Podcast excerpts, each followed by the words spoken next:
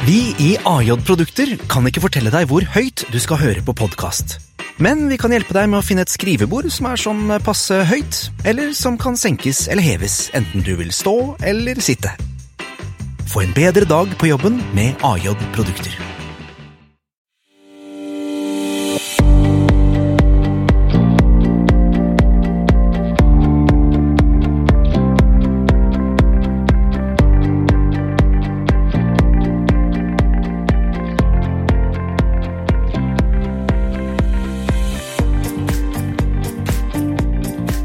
Hei og velkommen til Skifters podkast.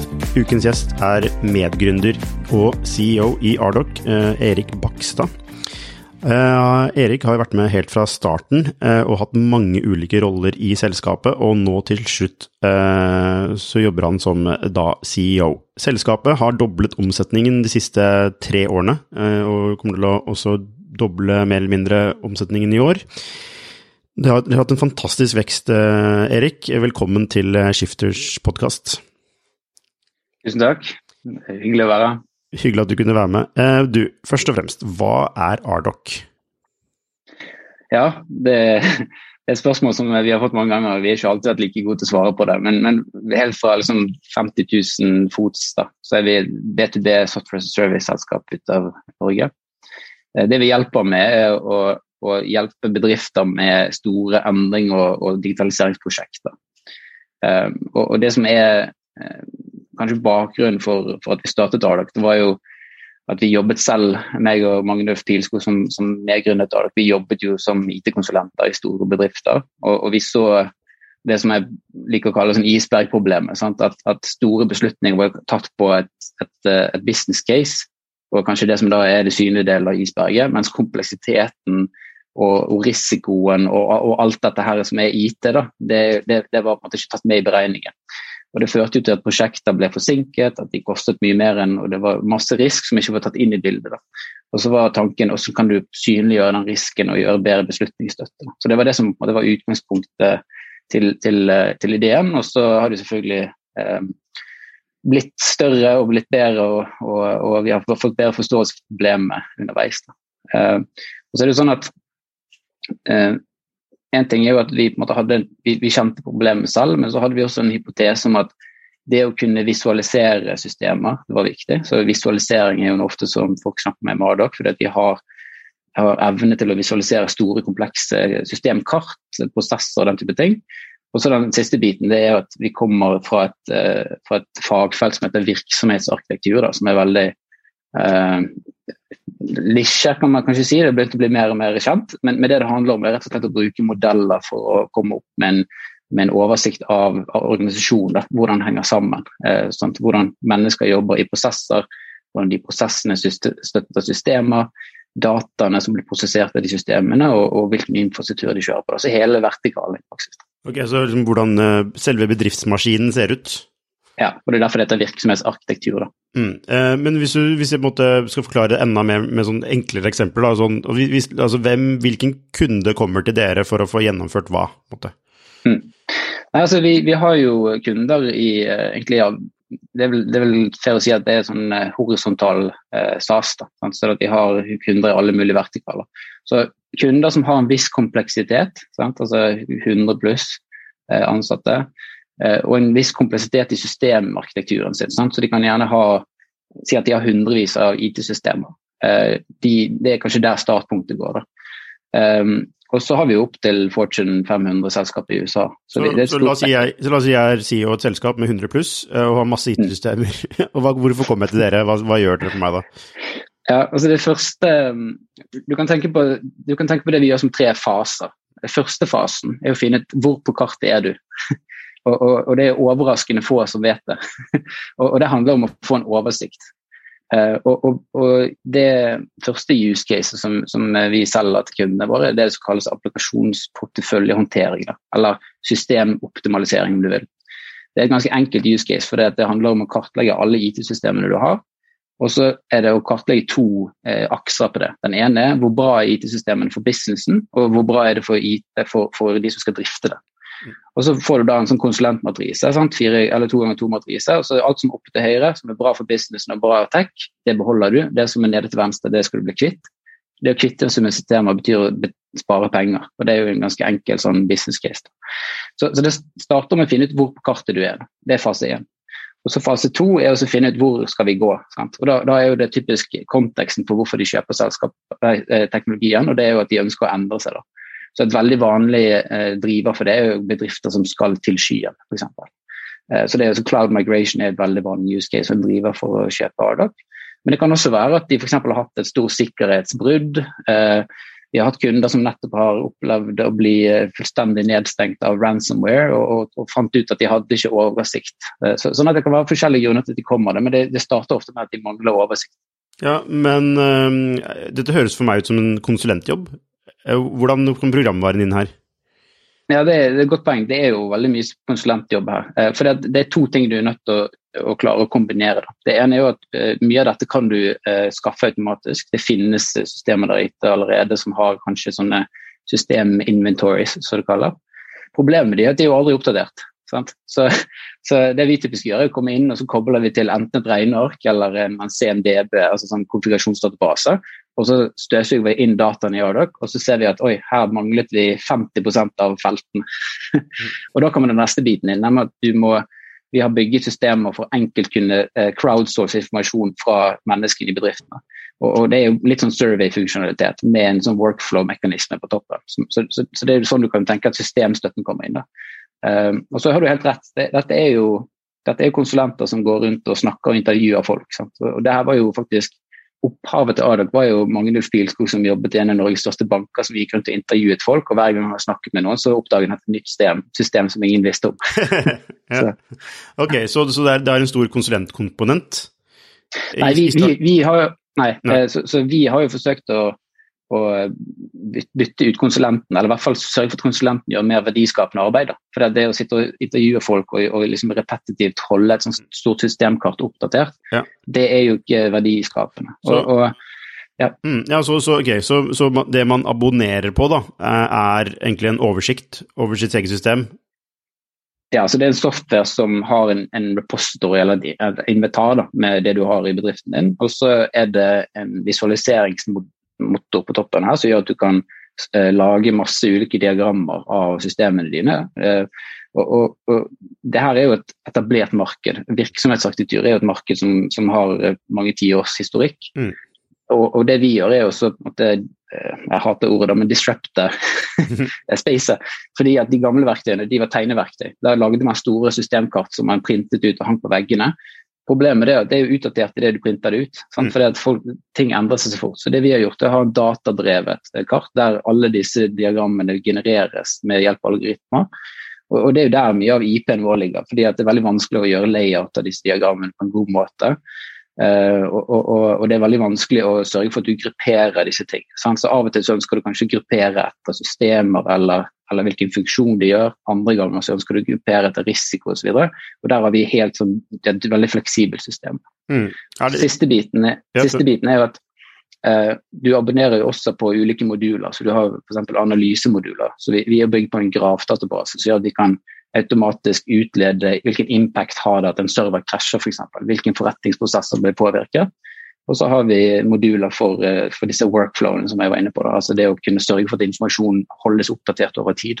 Mm, ok, ja, nettopp. Uh, dette gir meg et rikere bilde av Ardoc her. Jeg hadde hele tiden tenkt at det var sånn, sånn, mer sånn dokumenthåndtering, men det, jo, det handler jo egentlig om å ha kontroll på IT, altså IT-virksomheten, altså IT-strukturen, eller arkitekturen som kaller det, uh, i, i bedriften. Uh, slik at du kan både utvikle den og ja, holde den ved like. Ja, og, og det har jo vår skyld, sant? for de var jo to tekniske gründere som snakket om systemdokumentasjon. Sant? Og, og det her gjorde vi jo eh, Det var ikke sånn at vi var veldig flinke til å snakke om problemene vi løste. Vi snakket veldig om funksjon og, og, og den type ting. Så, så, som jeg innledet med, vi har en historikk av mye dårlige elevator pitches i. Sånn. ikke sant. Og eh, hvor mange kunder har dere i dag, sånn ish?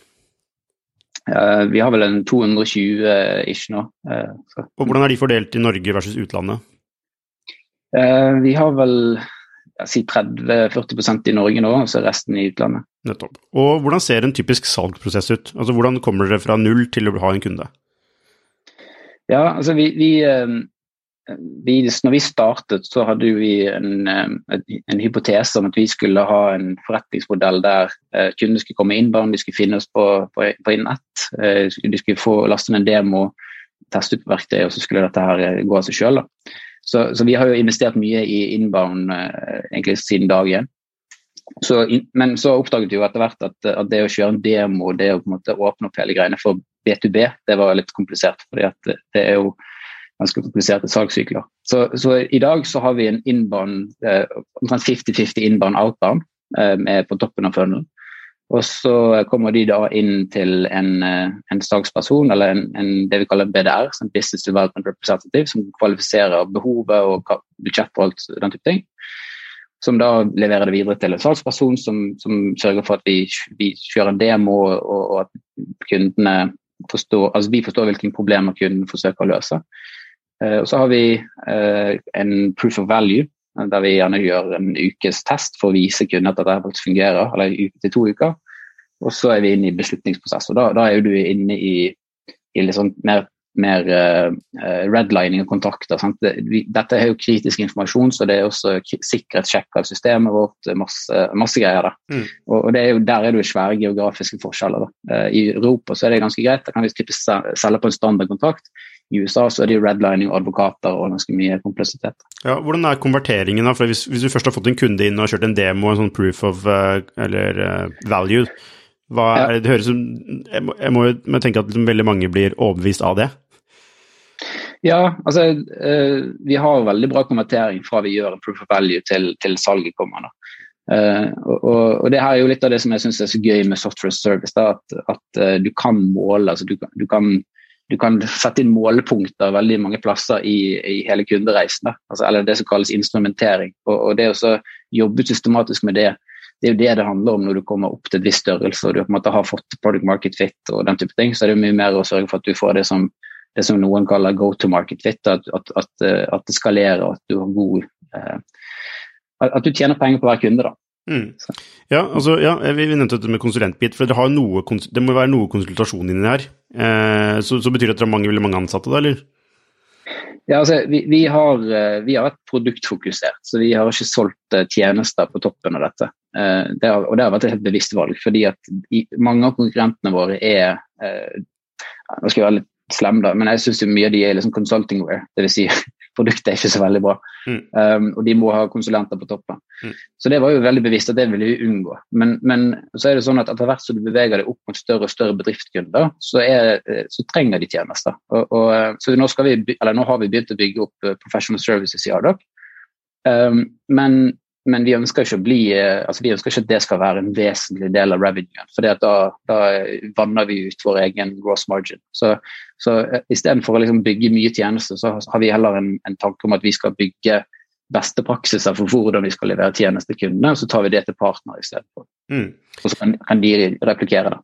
Ja, det, Dere er jo et, eh, et SAS-selskap. Vi snakket så vidt om det før vi begynte å ta opp. Men det er jo blitt en egen føler det blitt, blitt en egen industri, ja. en egen sånn, altså litt sånn buzzword-aktig også.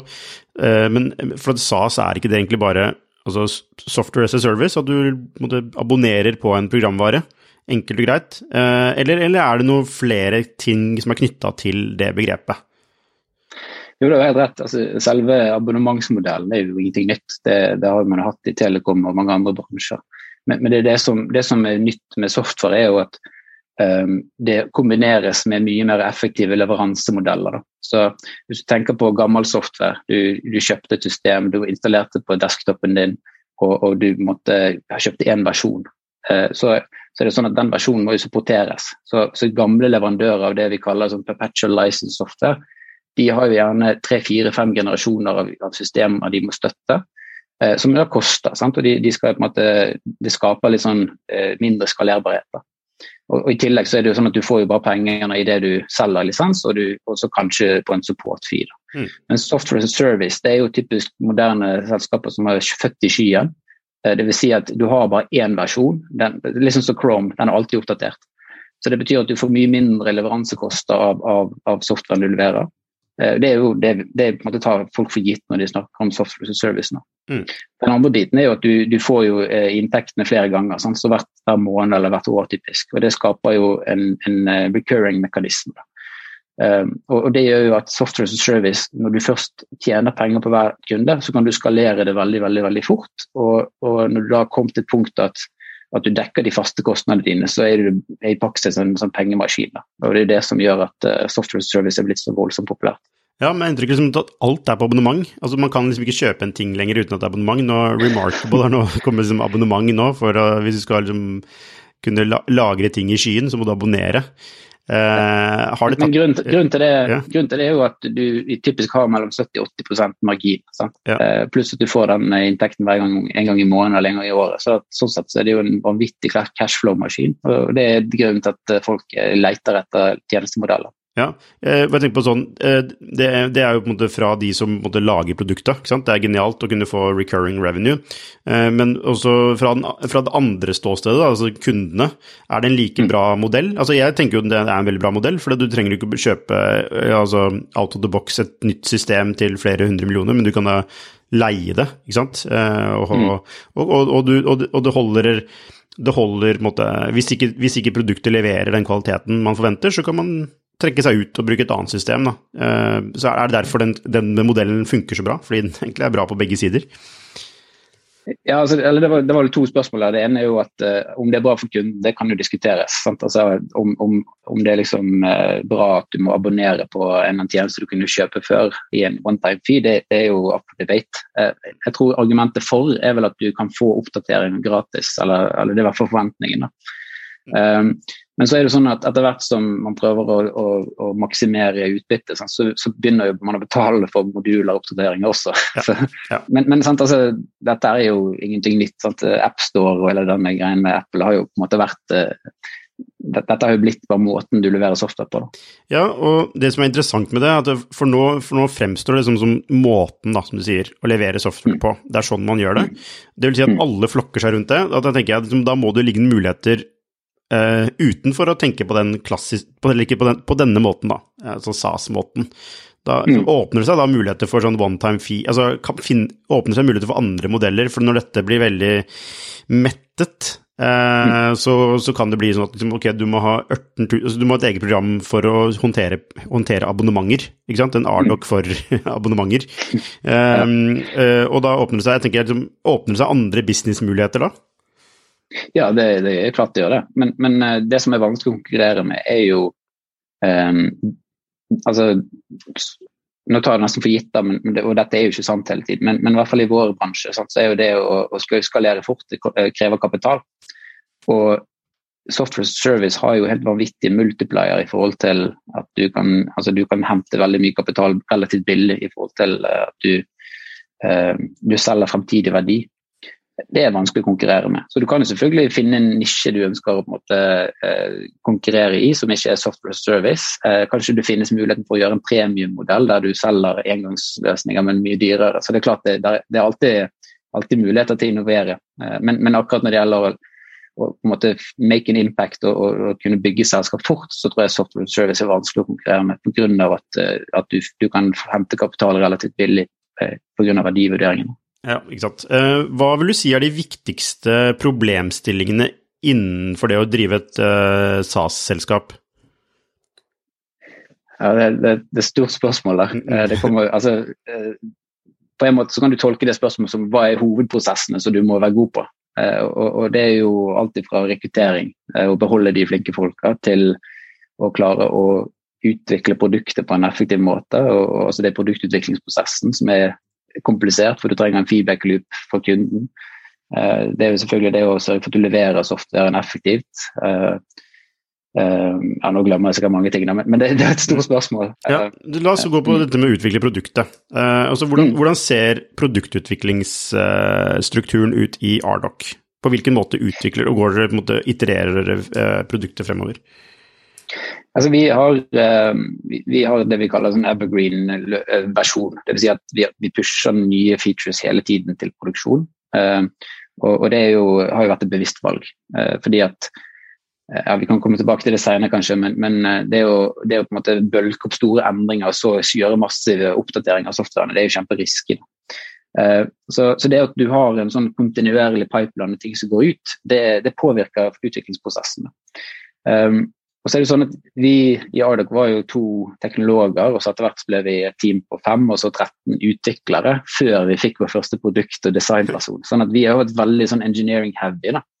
Eh, så det vi har gått gjennom nå de siste par årene, er jo en overgang til å bli mer produktfokusert, og så nå eh, mer kundefokusert. Da. Og det, det, betyr jo typisk at du etablerer kryssfunksjonelle team. Så nå har vi, nå har vi team med, eh, med ja, si fem til syv utviklere i samme team som en product manager og en designer og en tester. Um, og så har vi da fem sånne produktteam som sitter og jobber med, med, med utvikling. Ja, og hva jobber, de, hva jobber, et typisk team på? Hva har de ansvar, hva har ansvaret for? Hva er en typisk enhet?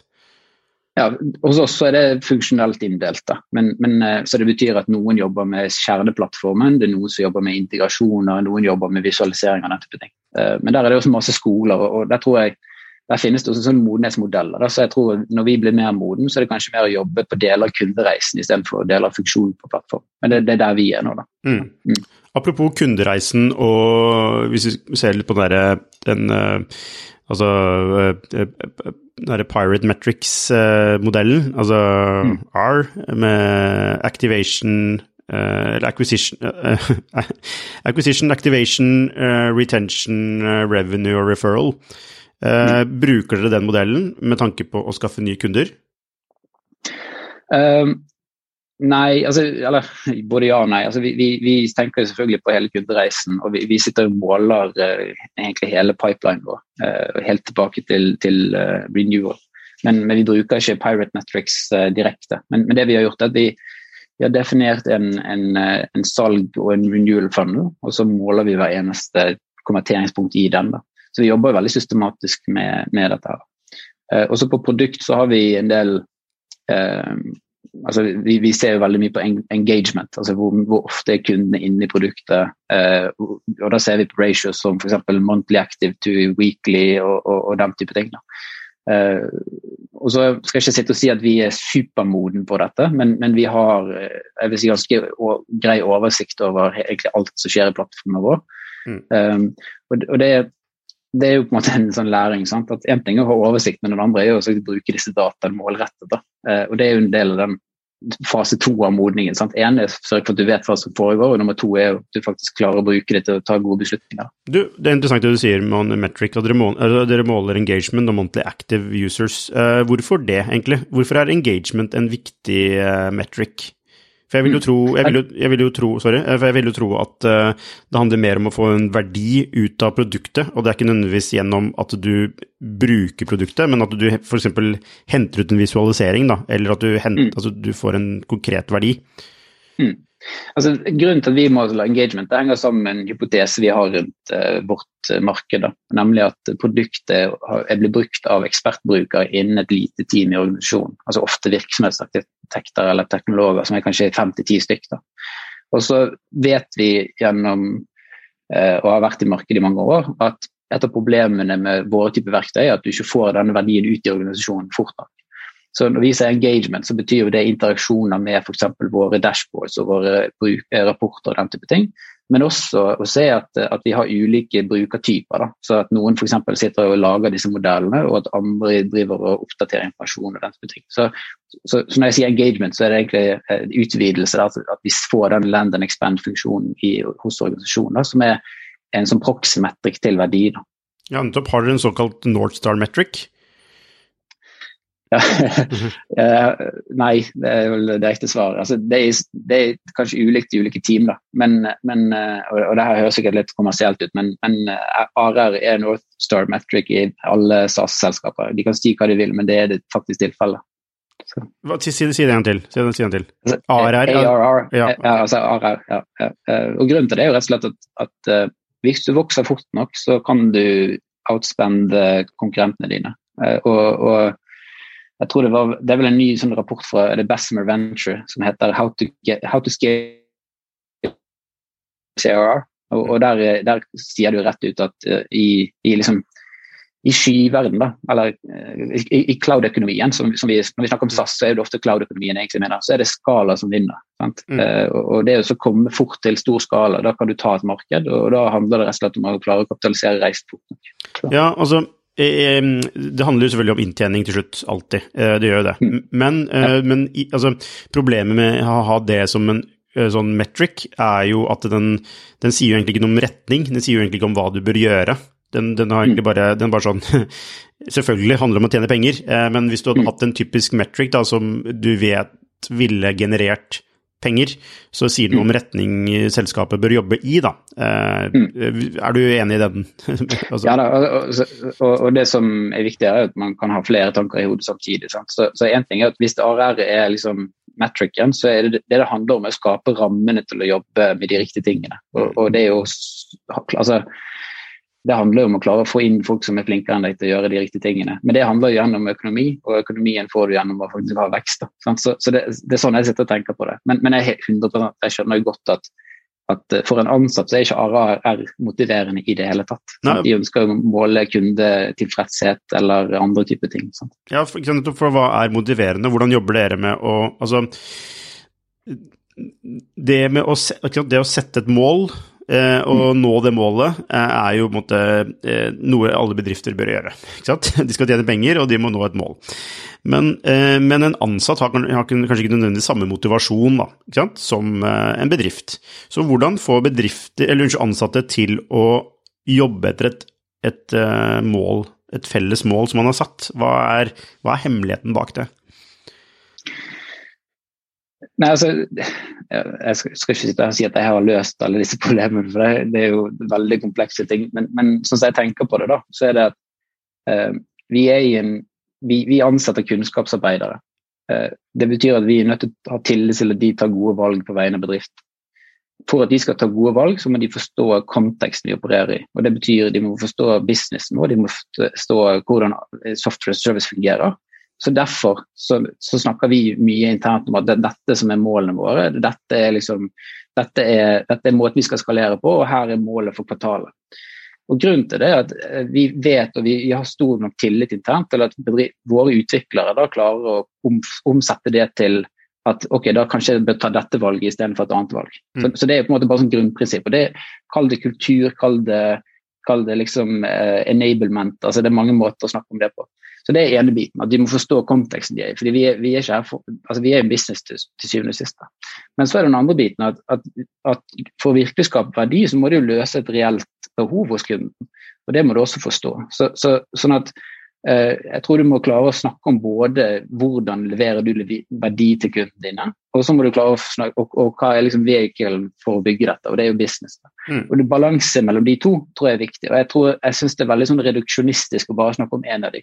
Eh, og jeg, har, jeg vet at, at, eh, at, det er veldig sånn det er veldig mote å snakke om noen deler av disse tingene, men, men, men alt må faktisk komme sammen og fungere som en helhet for at det faktisk skal fungere. Ellers så blir det bare en god idé som ikke blir kapitalisert. Ja, ja, nei, eh, ja, ikke sant. Men har dere noen gang på noen tidspunkt vært eh, i en situasjon hvor man har slitt med å få hele bedriften til å gå i takt mot samme mål? Å oh, ja da, ja. ja absolutt. det, det, altså det, det, tror jeg faktisk er det er faktisk eh, en av de interessante tingene når du begynner å skalere fort. da. Eh, mm. For nå, Vi er jo 150 mennesker nå. Og, og, og, det som er litt sånn interessant, er jo at i begynnelsen når du skalerer opp et team fort, så er det teamet veldig fokusert innad. Sant? Fordi at vi må finne ut hvordan skal de jobbe sammen. Det betyr at du, du, du blir veldig sånn selvsentrert eh, ofte.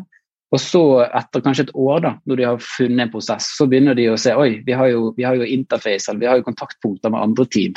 Mm. og, og, og, det er jo liksom den der, eh, det er jo det folk kaller voksesmerter. da.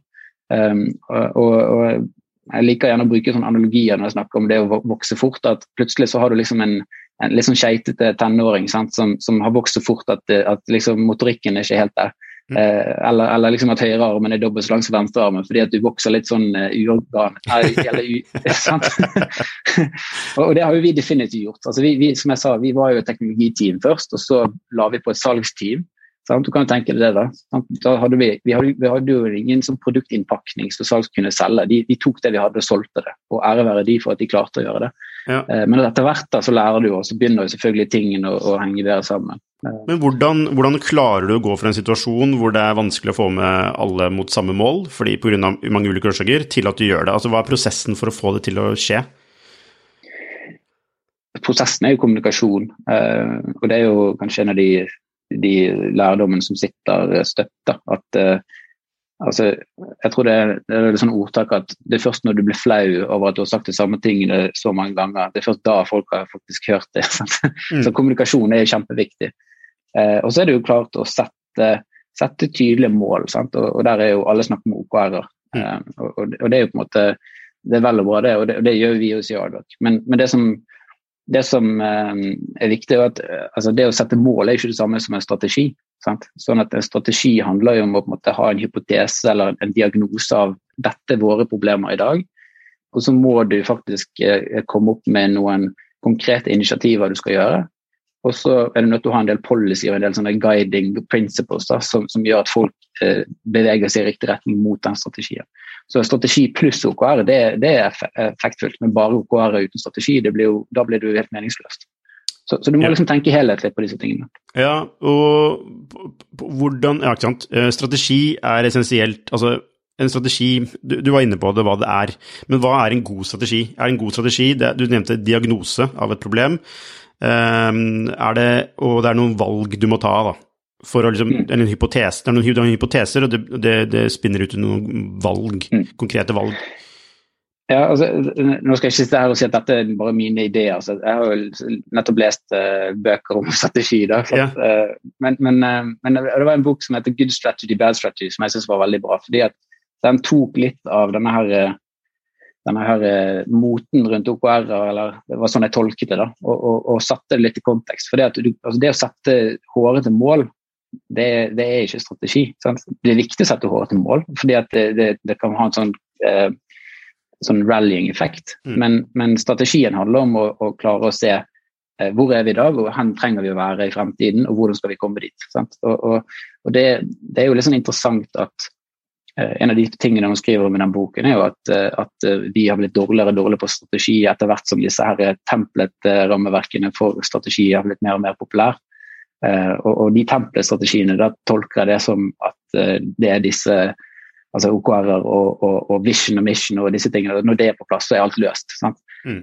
Det er viktige komponenter, det, men det er ikke hele løsningen. Da. Og Jeg tror det er det som er litt sånn, sånn viktig, da, at, eh, at vi, som, vi, som, holder på med entreprenørskap, at vi også tør å være litt sånn selvkritiske. Da. For det blir veldig sånn motedrevet, det som alle snakker om handler det mye altså, i, altså, det man leser, er jo det eksplisitte, ikke sant? Og um, det kanskje mange misforstår, er hva er grunnprinsippet som, mm. dette, som dette egentlig snakker om?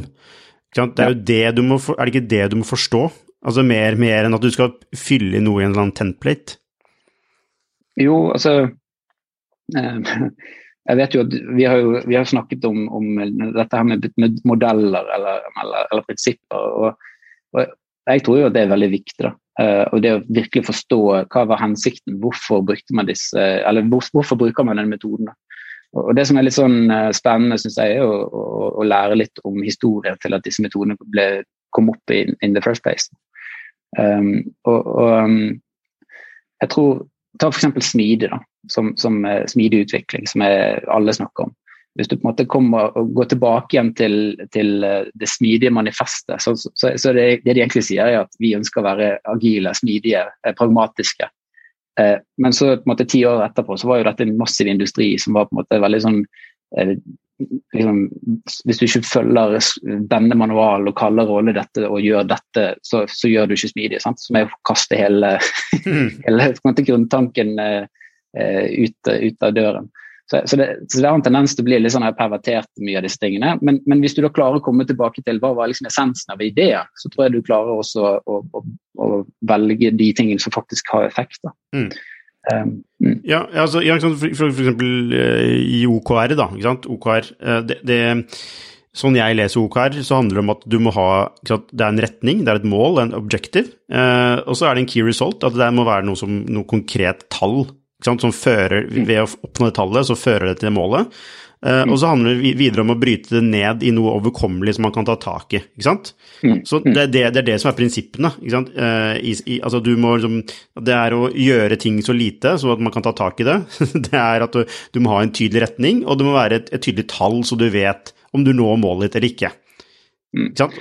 Ja, det, det er riktig, men, men så, så, tror jeg det de egentlig også sier, er at OKR er ett verktøy av flere verktøy. Sant? Sånn at du har en verktøykasse, OKR er en av de. Fordi at OKR-er er ikke KPI-er. Sånn at OKR handler om å liksom spisse fokus mot den ene tingen som driver businessen. Men, men premisset for det er jo at du gjør mange andre ting bra, og at du har en ramme for å sørge for at de andre tingene fortsatt blir bra. Og Det er jo kanskje mer tradisjonell måling. KPI-er ja, ja. instrumentering, metrikker. Så, så, det er jo på en måte det er kontekst. sant? Og så, og så er det jo den andre biten med OKR, at den også har en, et poeng rundt det her med at du har top down, bottom up alignment. Sånn at Si at 50% av objektene drives fra ledelsen fordi de sitter på kontekst, de sitter på det store bildet. Mens de som sitter tettest på problemet, hvis du på en måte ikke lar de også være med å prioritere, så har du på en måte eh, sparket beina under kunnskapsarbeiderne dine. Sånn at, sånn at, Det er også et viktig prinsipp. Ja. Um, og, men jeg tror, at, jeg tror at uh, etter hvert som etter hvert som man får litt erfaring og man har sett en del av sånne rammeverk og metoder, så, så, så, lærer man seg å se sammenhenger, og så klarer man å kanskje ta essensen og de gode tingene ut av det litt fortere enn, enn hvis man bare kaster det på det og bare følger oppskriften. Ja, altså Poenget mitt er, var ikke å beskrive OKR på en god måte, men det var mer at det var prinsipper som lå til grunn. altså Alle, alle delene OKR, det er, det er, altså det, det er sånn fem-seks prinsipper, da, ikke sant? sånn som det der bottom up, top down. Eh, det handler om sant, både forankring og det å skape motivasjon hos ansatte til å faktisk gjøre jobben. Så må du ha noe, eh, en bottom up. Så, og det er egentlig et prinsipp som gjelder, som er universelt og gjelder for mange andre ting. Um, mm. Men det er det å forstå Når du implementerer en modell, så må du forstå hva er prinsippene bak den modellen, og er, disse, er, vi enige i disse prinsippene? Og det er ikke mm. sikkert alle prinsipper alltid passer for alle selskaper. Så alle jeg med, nesten alle jeg snakker med rundt om OKR, har på en måte tilpasset det til, til Eller som lykkes med det, da. Har tilpasset det til seg selv, til sitt selskap. Mm. Fordi altså out of the box så er den ikke nødvendigvis det riktige rammeverket, da. Men med tilpasninger så kan, så kan det bli bra. Og så tror jeg også at etter hvert som man eh, operasjonalisere sånne metoder, så er det viktig å, å være kritisk og se hvilke trade-offs er det dette medfører. Sant? Fordi at eh, En annen prinsipp med OKR er jo dette her med å ha en rytme. Sant? Enten det er månedlig eller årlig eller hva det nå er. Kvartalsvis er kanskje det mest vanlige. Mm.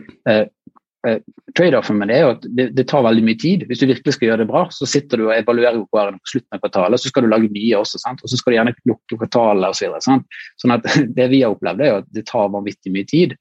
Og Da er det sånn eh, at man er tilbake til planlegging, eller sånn, en, en, sånn operational cadence for hele bedriften, og hvordan fungerer den. og, og, og liksom um, og jeg, jeg, tror det, det, handler om at man også har ulike uh, nivåer av eller ulike perspektiver. Da, sant? så Hvis du virkelig løfter det opp, så kan man jo se på det som en sånn årlig planleggingsrytme for bedriften. Eh, og, og, da kan OKR være en del av det. Mm. Men de, dere bruker OKR? I, ja. ja. Og er, har dere den har dere kvartalsvise rytmen? Ja, Vi har årlige uh, company objectives og, og, key results, og så har vi uh, kvartalsvise team level objectives. Da. Ja, Hvordan fungerer eh, det å bruke OKR for dere? Nei, altså det, det, fungerer jo i forhold til at vi kan være spisse på, på retning og de objektene vi skal gjøre. Og så fungerer det passe bra i teamene. Mm. uh, og, og, det skyldes nok uh, eh, 50% at vi har vært uh, kanskje ikke flinke nok til å operasjonalisere det. Og så er det 50 at, at, at kanskje folk ikke forstår bakgrunnen for det, eller det kan også være at det er feil å bruke OKR på alle deler av selskapene. Eh, så, så det vi har jo ikke alle svarene på det. Men, ok, Så, er, så teamen, det er vanskelig for teamene å implementere det? Ja, eller, ja, det kan være det. Men, men det kan også være at, at, de har gjerne andre måter å jobbe på som er mer effektivt. Da? Og du har liksom motstand internt. Det kan også hende. ja, ja, ikke sant. Ja. Eh, men dette, dette, henger jo sammen med altså, ledelse. Eh, mm, og altså, Sånn jeg definerer ledelse, så er det tre ting. Det er, du må liksom være god på å sette rett, Hvis du er en god leder, må først og fremst skape resultater, men du må være god på å sette retning. Du må være god på eh, å skape en vilje eh, hos eh, de ansatte eh, til å, å, gå i en riktig retning. Og så må du eh, skape en evne hos de ansatte. Altså du må legge til rette for med strukturer, systemer eller opplæring etc. Um, eh, hva har du lært om ledelse? Altså du har jo vært du har jo den luksusen at du kunne jobbet mange forskjellige steder i selskapet, og du begynte jo som en utvikler og jobbet på produkt, og nå jobber du jo som, som toppleder. Altså, hva betyr ledelse for deg, og hva har du lært om ledelse?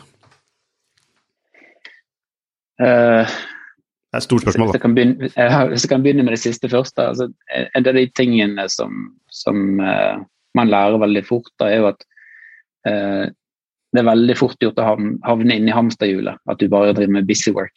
Uh, fordi at når du starter et selskap, så er det jo ingen andre enn det er du som må gjøre alt. Eh, og så må den, den, måten jobber på må endre etter hvert som du, du begynner å lede folk. Eh, og, og, og det, altså, en av de tingene som du lærer etter hvert, er jo at du er nødt til å klare å sette av nok tid til å tenke, faktisk. mm.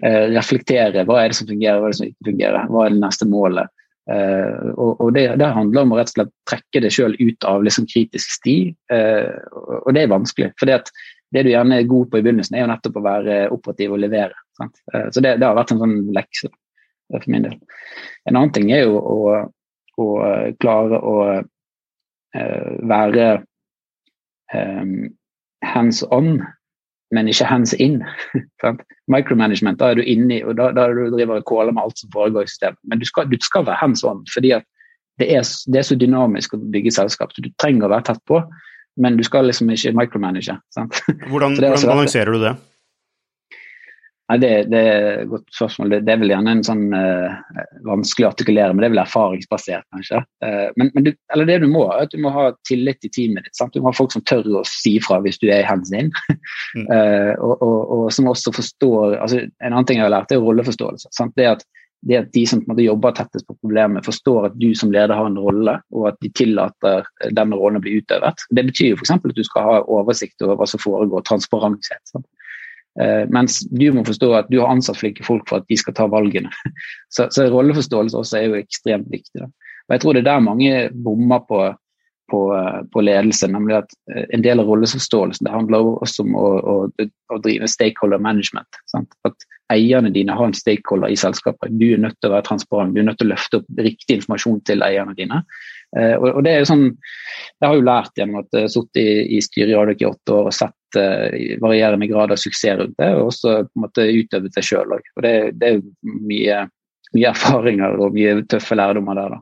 Uh, og så Siste punkt er at måten du lærer på, er jo å tørre å faktisk ta tid til å reflektere og, og klare å sitte og, og, se på hvordan tenkte du rundt situasjonen, uh, hvilke valg tok du, hvordan gikk det. For det er jo, det er jo sånn du lærer. Mm. Ja, dere har jo, um, dere har jo bl.a. Geir Førre uh, som investor og i, uh, sitter i styret. Han, han, er vel mm. styreleder, hvis ikke tar helt feil, eller, eller uh... Ja, nå er det Håkon i, i Bertelsten Kapital som er styreleder, så Geir var det, men jeg byttet. Nettopp. Mm. Um, det styrearbeidet deres, altså hvordan jobber Altså hva er et godt styre? Hvordan fungerer et godt styre? Du har sittet i styret selv. Eh, hva, mm. Hvordan ser det så godt styrearbeid ut? Nei, altså det, det, ene er jo at du skal, du skal på en måte ha oversight. Uh, og Du har jo et uh, såkalt fiduciary duty i forhold til eierne dine. så Det er jo det liksom bare prinsipielle. At du, må, du, skal ha oversikt og du skal, uh, skal stille kontrollspørsmål og sørge for at, at ting blir gjort skikkelig. Men, men, jeg tror jo at måten styret jobber med en gründer eller et, et, selskap, det endres jo etter hvert som, som størrelsen eh, endres. Da. Så I tidlig fase så handler det kanskje om å bare gi backup, gi selvtillit, heie litt. um, og, og, Jeg sitter jo i, i, noen styrer, eller i et spesielt eh, med et oppstartsselskap. Der er jo det eneste rollen min er jo på en måte bare å heie og, og sørge for at, at, eh, man kanskje peker på, på um, en del fokusområder, og så, og så sørge for at du på en måte er litt sånn heialeder. Og så etter hvert som du vokser, sånn, så er det jo eh, begynner du å bli en del store strategiske valg. Eh, og, og, da kan jo styret i hvert fall ha en mening om det. Eh, jeg tror jo gode styrer de, de, de klarer jo å tilpasse seg avhengig om du har et godt management-team eller ei. da, sant? Og så synes jeg, er det jo også jobben til styret å sørge for at du har det gode teamet på plass. Så. Så det, det, var litt sånn ullen svar, da, men det, det, poenget er at det er kontekstavhengig. Ja, Det var en liten digresjon, for vi snakket om ledelse. Eh, tilbake, tilbake, til dette med ledelse. Um, du sier man må være eh, hands on, men ikke hands in, og den balansen. Man må ha rolleforståelse, og da nevnte du også styre og stakeholders. Eh, men altså, hvordan, hvordan den, um, Hvilken forståelse av lederrollen har du med tanke på nedover i organisasjonen, altså mot de ansatte? Hva er en leder for en ansatt? Altså, eh, det er jo Jeg leste en bok som heter The Dichotomy of Leadership. og Det, jo, det, synes jeg var en spennende bok, fordi at det, du skal balansere ting som kanskje eh, er litt som motsetninger. Sant? Du skal du skal, være, du skal empower folk, men du skal også være tydelig med feedback og du skal være tett på. For ellers kan du være en svak leder, og det verste du, som finnes, er svake ledere.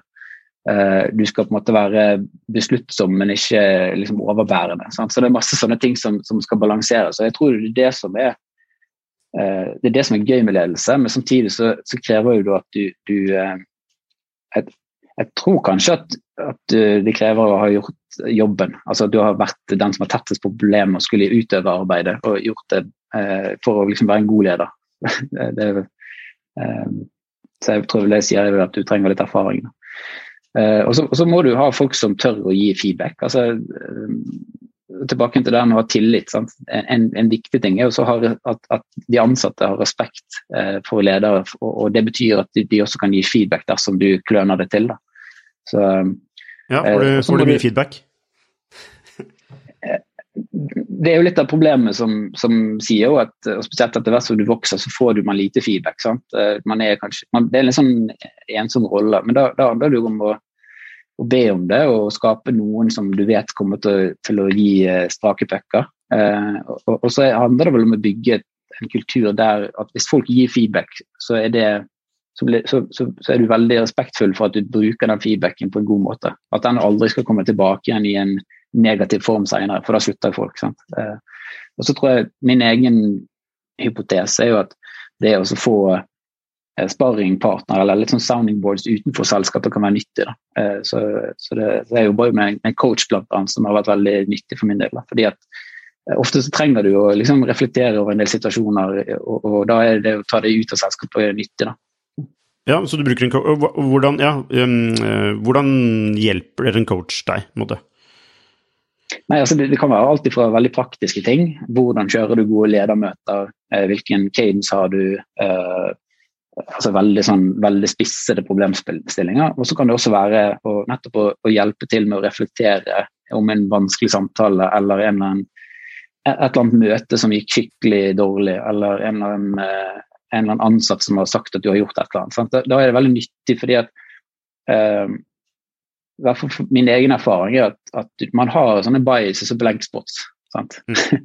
og, og, og, det å være bevisst på det, uh, det er jo en ting, men, men, men, når du måte du får en veldig sånn spisset tradisjon, så, så, så, kan man falle tilbake til gamle vaner. Sant? Og det, det er jo så på en måte uh, reflektere at oi, her så, så på en måte mister du fullstendig liksom, oversikten. Sant? Du kjørte for hardt på målet og glemte at det er mennesker involvert. Sant? Det å bare få noen som påminner om det, det kan være veldig nyttig. Da. Mm. Eh, hva, er din, hva, er dine blindspots, da?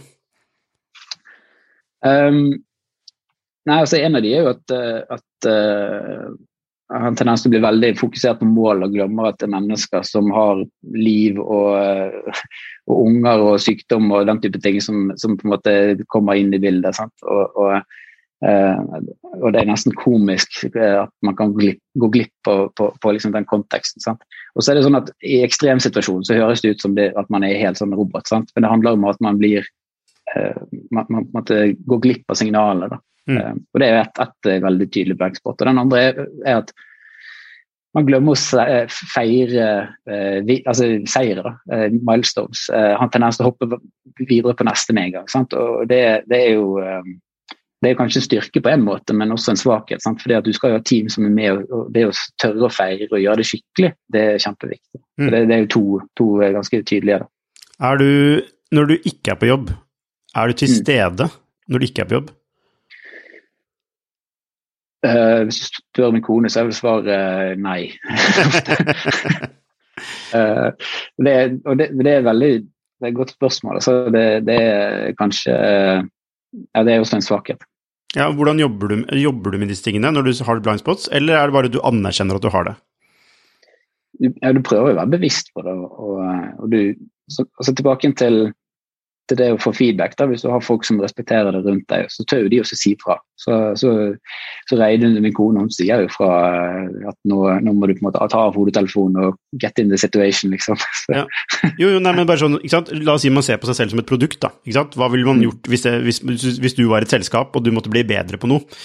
Eh, ville du egentlig altså bare informert om det, måte? Eller, eller ville man satt opp noen metrics for å måle det? altså liksom, Ville man jobbe systematisk mot å bli bedre på det? Eh, jeg vet ikke om hvordan du, du ser på det? Ja, altså, En ting er jo et selskap uh, som, som, man kan måle, som er, man kan jobbe veldig metodisk med. Da, men, men, sånn personlig så handler det kanskje om å være, tørre å reflektere litt over hvordan man oppførte seg i situasjonen. og, og den type ting, så selvinnsikt. Men, men sant, det er jo det er sånn ordtak som jeg syns er litt morsomt. Altså, jeg, jeg, um, the problem with common sense is that it's not so common. Mm. det er så tørre å tørre å minnes på at man skal oppføre seg som en skikkelig person, og, og at man trenger folk rundt seg, og, og, og slutte å være så fordømt selvsentrert. Det er viktig. Mm. Um, du nevnte inni her kultur. Um, og hva, hvordan definerer du kultur, og hvorfor er kultur eventuelt viktig? Ja, jeg vet at du, du har stilt det her spørsmålet før, jeg syns det er et sånn vanskelig spørsmål. Men, men eh, altså, kultur Det var en som sa at kultur er det som skjer når du forlater rommet. Altså, det, det, er et eller annet med sånne eh, grunnholdninger eller, eller eh, verdisett. Og jeg tror det, det er nok noe, noe der. Altså, kultur er superviktig. Og, og kultur blir jo, blir jo satt av de menneskene du ansetter. Og, og, og, vi, bruker jo, vi har jo verdier som vi bruker i ansettelsesprosessen. Eh, vi, har, vi, har, ting vi ser etter. Eh, for at vi vil, altså Arrogante folk har ingenting av det å gjøre. Sånn. Sånne type ting. og Etter hvert som du gjør det og du får skala på det, så, så er det jo klart at det setter en kultur. Eh, og, og um, et eksempel kan jo være liksom quirkiness. Sant? Altså, er, vi er liksom quirky. Vi er, det er massevis av nerder her. Vi, som, vi, har folk fra over 30 land. Én eh, ting har de til felles, at de er veldig nysgjerrige. De, de, de, er kjempeinteressante mennesker. Når du sitter til lunsj i Adak, så kan du ha utrolig spennende samtaler. Folk har reist og de er belest. og Det er en kultur og det er en verdi som man kan se etter.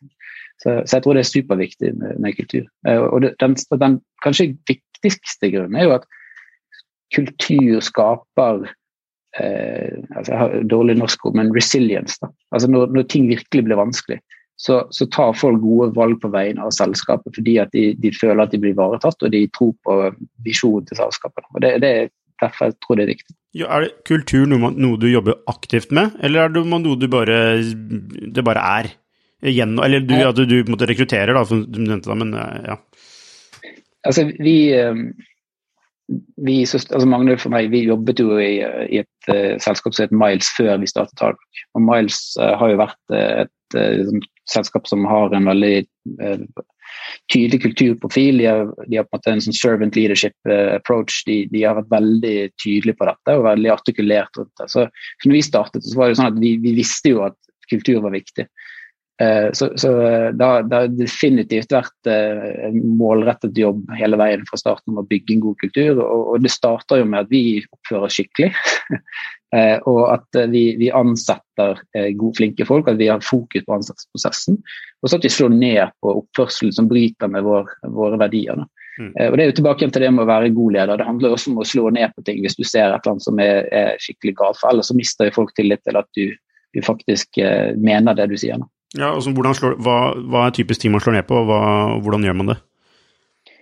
Nei, det, det, er veldig kontekstavhengig. Men, men, det kan jo være å, å på en måte gi tydelige tilbakemeldinger dersom folk har sagt noe slurvete som kan oppleves eh, Altså vi har, vi har folk som, som, som, er flinke sosialt og som, som, på en måte liker å ha det litt sånn morsomt. Sant? Så plutselig så kan de si et eller annet som er litt tonedøvt. Sant? Det å tørre å gi den feedbacken, sånn at folk begynner å reflektere over at det de sier faktisk har, har effekt. Mm. Det er et eksempel. Mm. Ja, nei, det, det er det, ja. Ok. Uh, vi har vært innom uh, produkt, kultur, ledelse. Uh, og det siste jeg ville snakke med om, er vekst. vi har jo vært inne på det også. men hvordan kan du beskrive hvordan det er å skalere en organisasjon? Ja, det er, det er kjempegøy.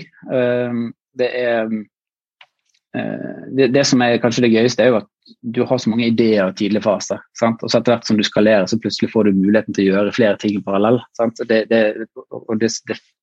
Hvis du har hvis du har product market fit og du har altså go to market fit, og du, du, er der at du kan begynne å trykke på gasspedalen, så er det helt magisk. fordi at da, da, da vokser du, og du klarer å holde voksraten eh, oppe. da. Eh, men, men også det er, altså det er en vanvittig prosess der du sitter og rekrutterer hele tiden. Eh, og så er det det, og så sitter du hele tiden og tenker på at oi, disse folka skal jo faktisk komme inn, de skal ha opplæring, de skal bli produktive, for ellers så rakner hele greiene. Ja, hvordan, og så skal du beholde folk. Ja, ja, hvordan, sorry, jeg bare stopper deg. Hvordan ser en onboarding-prosess ut hos dere? Ja, Det kommer litt an på i hvilket team du er. Så for eksempel, Hvis du blir ansatt på utvikling, så er jo det veldig mye 'learning by doing'. Eh, vi har bl.a. Sånn, eh, et mål om at du skal committe kode første dag. Det, det, jo, det, det, fører jo til en del valg da, om at vi, vi er nødt til å eh, ha god dokumentasjon, vi må ha gode verktøy, de skal installere det, komme raskt i gang. Så Det er ett eksempel.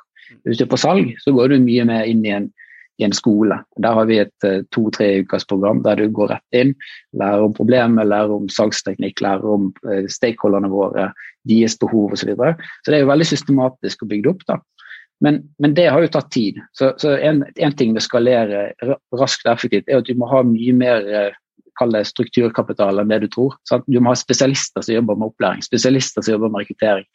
Eh, og det koster jo penger. Så, så så det er jo det som er, Du bygger jo en maskin for å skalere veldig fort. Eh, og, det, og, hvis du ikke gjør det, så får du vanvittig mye voksesmerter. Ja, altså Ed, Edgeir i uh, Tibber han beskrev skalering eller voksesmerter som pain. det er pain. Er det pain? Ja. Er det slitsomt? Ja, ja.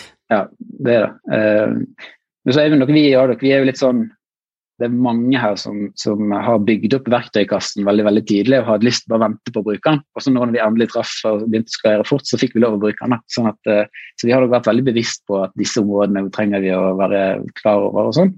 Men, men pain, altså, den verste pain er jo når, eh, når du på en måte eh, er usikker på om, du, om maskinen fungerer. Sant? Mm. Altså, eh, si at du har dårlig kvartal, eller at eh, altså når covid traff. Sant? Du sitter og jobber og regner på likviditeten i tre uker i strekk. Sant? Det er pain. Mm. Ja. ja. ikke sant. Eh, men, men ikke sant? dette med å få folk til å bli produktive så fort som mulig. Mm. Eh, og så nevnte du altså onboardingen, eh, på, altså at man skal committe kode første dag som utvikler, eh, og at man har et sånt opplæringsprogram eh, innenfor salg. Er det noen andre sånne prinsipper dere har for å liksom, få folk til å bli produktive så fort som mulig? Ja, altså Vi har, eh, vi har uh, opplæring i, i, i, the Ardoc way. Dvs. Si, altså, hvilke verdier har vi, hvilke systemer har vi. Altså HR-systemer, eh, kunnskapsdeling, hvordan bruker du Slack, eh, hvilke ting skal på Slack, hvilken kanal eh, osv. Så, så sånn det er jo et eller annet med å altså En av risikoene med å ansette veldig flinke folk er at du tar det for gitt at de vet allerede, mm. alle tingene, eller at de stiller spørsmålene. Og Det er jo en sånn læring vi har gjort at de fleste de syns det er litt sånn teit å spørre om en del sånne ting, så derfor tar de opplæringen. Mm. Um, men, men, så er det sånn at dette tar jo tid. Så i tidlig fase eller i mellomfase så handler det kanskje mest om å, å be de som kommer inn, dokumentere hvordan de onboarder seg sjøl. Og så etter hvert så bygger det system rundt det. Mm. Um, og den siste biten som, som også er viktig, er å vært veldig tydelig med de som kommer inn, om at husk på at nå har du liksom day one mindset. Nå ser du alt som er galt. Sant? For etter et par uker så blir du så ingrained i kulturen at du slutter å se det. Så det måte sørge for at de nye, sørge at du får hentet inn deres perspektiver, sånn at du hele tiden kan jobbe med kontinuerlig å forbedre prosessene, er også noe som vi har lært. Mm. Eh, Erik, eh, det, har vært fornøyelse å snakke med deg om, eh, om Ardoc og hvordan du tenker og hvordan du jobber. Eh, jeg ønsker deg masse lykke til videre med Ardoc. Eh, hva er planen for 2022? Ja, nei, Planen er jo å doble igjen. Um, ja. vi, skal vel, vi skal ansette 100 ansatte neste år, så det blir spennende. Da har vi 250 og ja. Eh, fortsette eh, å vokse internasjonalt. Så det, det, blir spennende. Og Hva tenker du er den største utfordringen nå i det, i det, det året, når du skal altså Ja, det er å beholde vekst, det vi kaller sånn growth sustainability. Da. Holde den veksttakten. for Det blir jo vanskeligere og vanskeligere etter hvert som basen blir større. Så det, det er kjempeutfordrende. Ja, og hva, hva, er ditt, hva, er liksom den, der, hva, er det grepet du gjør for å sikre det? I 2022 så skal vi faktisk fokusere og, og, sørge for at vi får effektivisering ut av mye av det vi fokuserte på. Så I 2021 var det volum, men nå i 2022 så er det å få effekten ut av det. Så i 2023 så er det å åpne opp nye kanaler igjen. Nettopp. Det høres uh, fornuftig ut. Eh, Eirik, igjen, tusen takk. Eh, det har vært en fornøyelse, og lykke til videre. Tusen takk. Hei, hvis du likte denne episoden, så abonner på den, og gi den gjerne en femstjerners rating med dine tanker. Hvis du er interessert i temaene vi tar opp på denne podkasten, så anbefaler jeg deg å gå inn på skifter.no, og hvis du mener vi fortjener det, så kan du gjerne støtte oss ved å abonnere på Skifter. Takk for at du hørte på, så ses vi neste uke.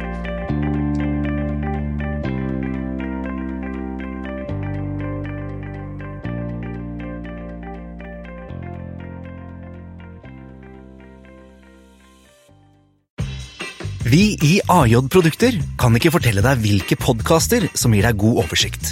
Men vi kan fortelle deg hva slags pallerioler som gir deg god oversikt. På et lager, f.eks. Få en bedre dag på jobben med AJ Produkter.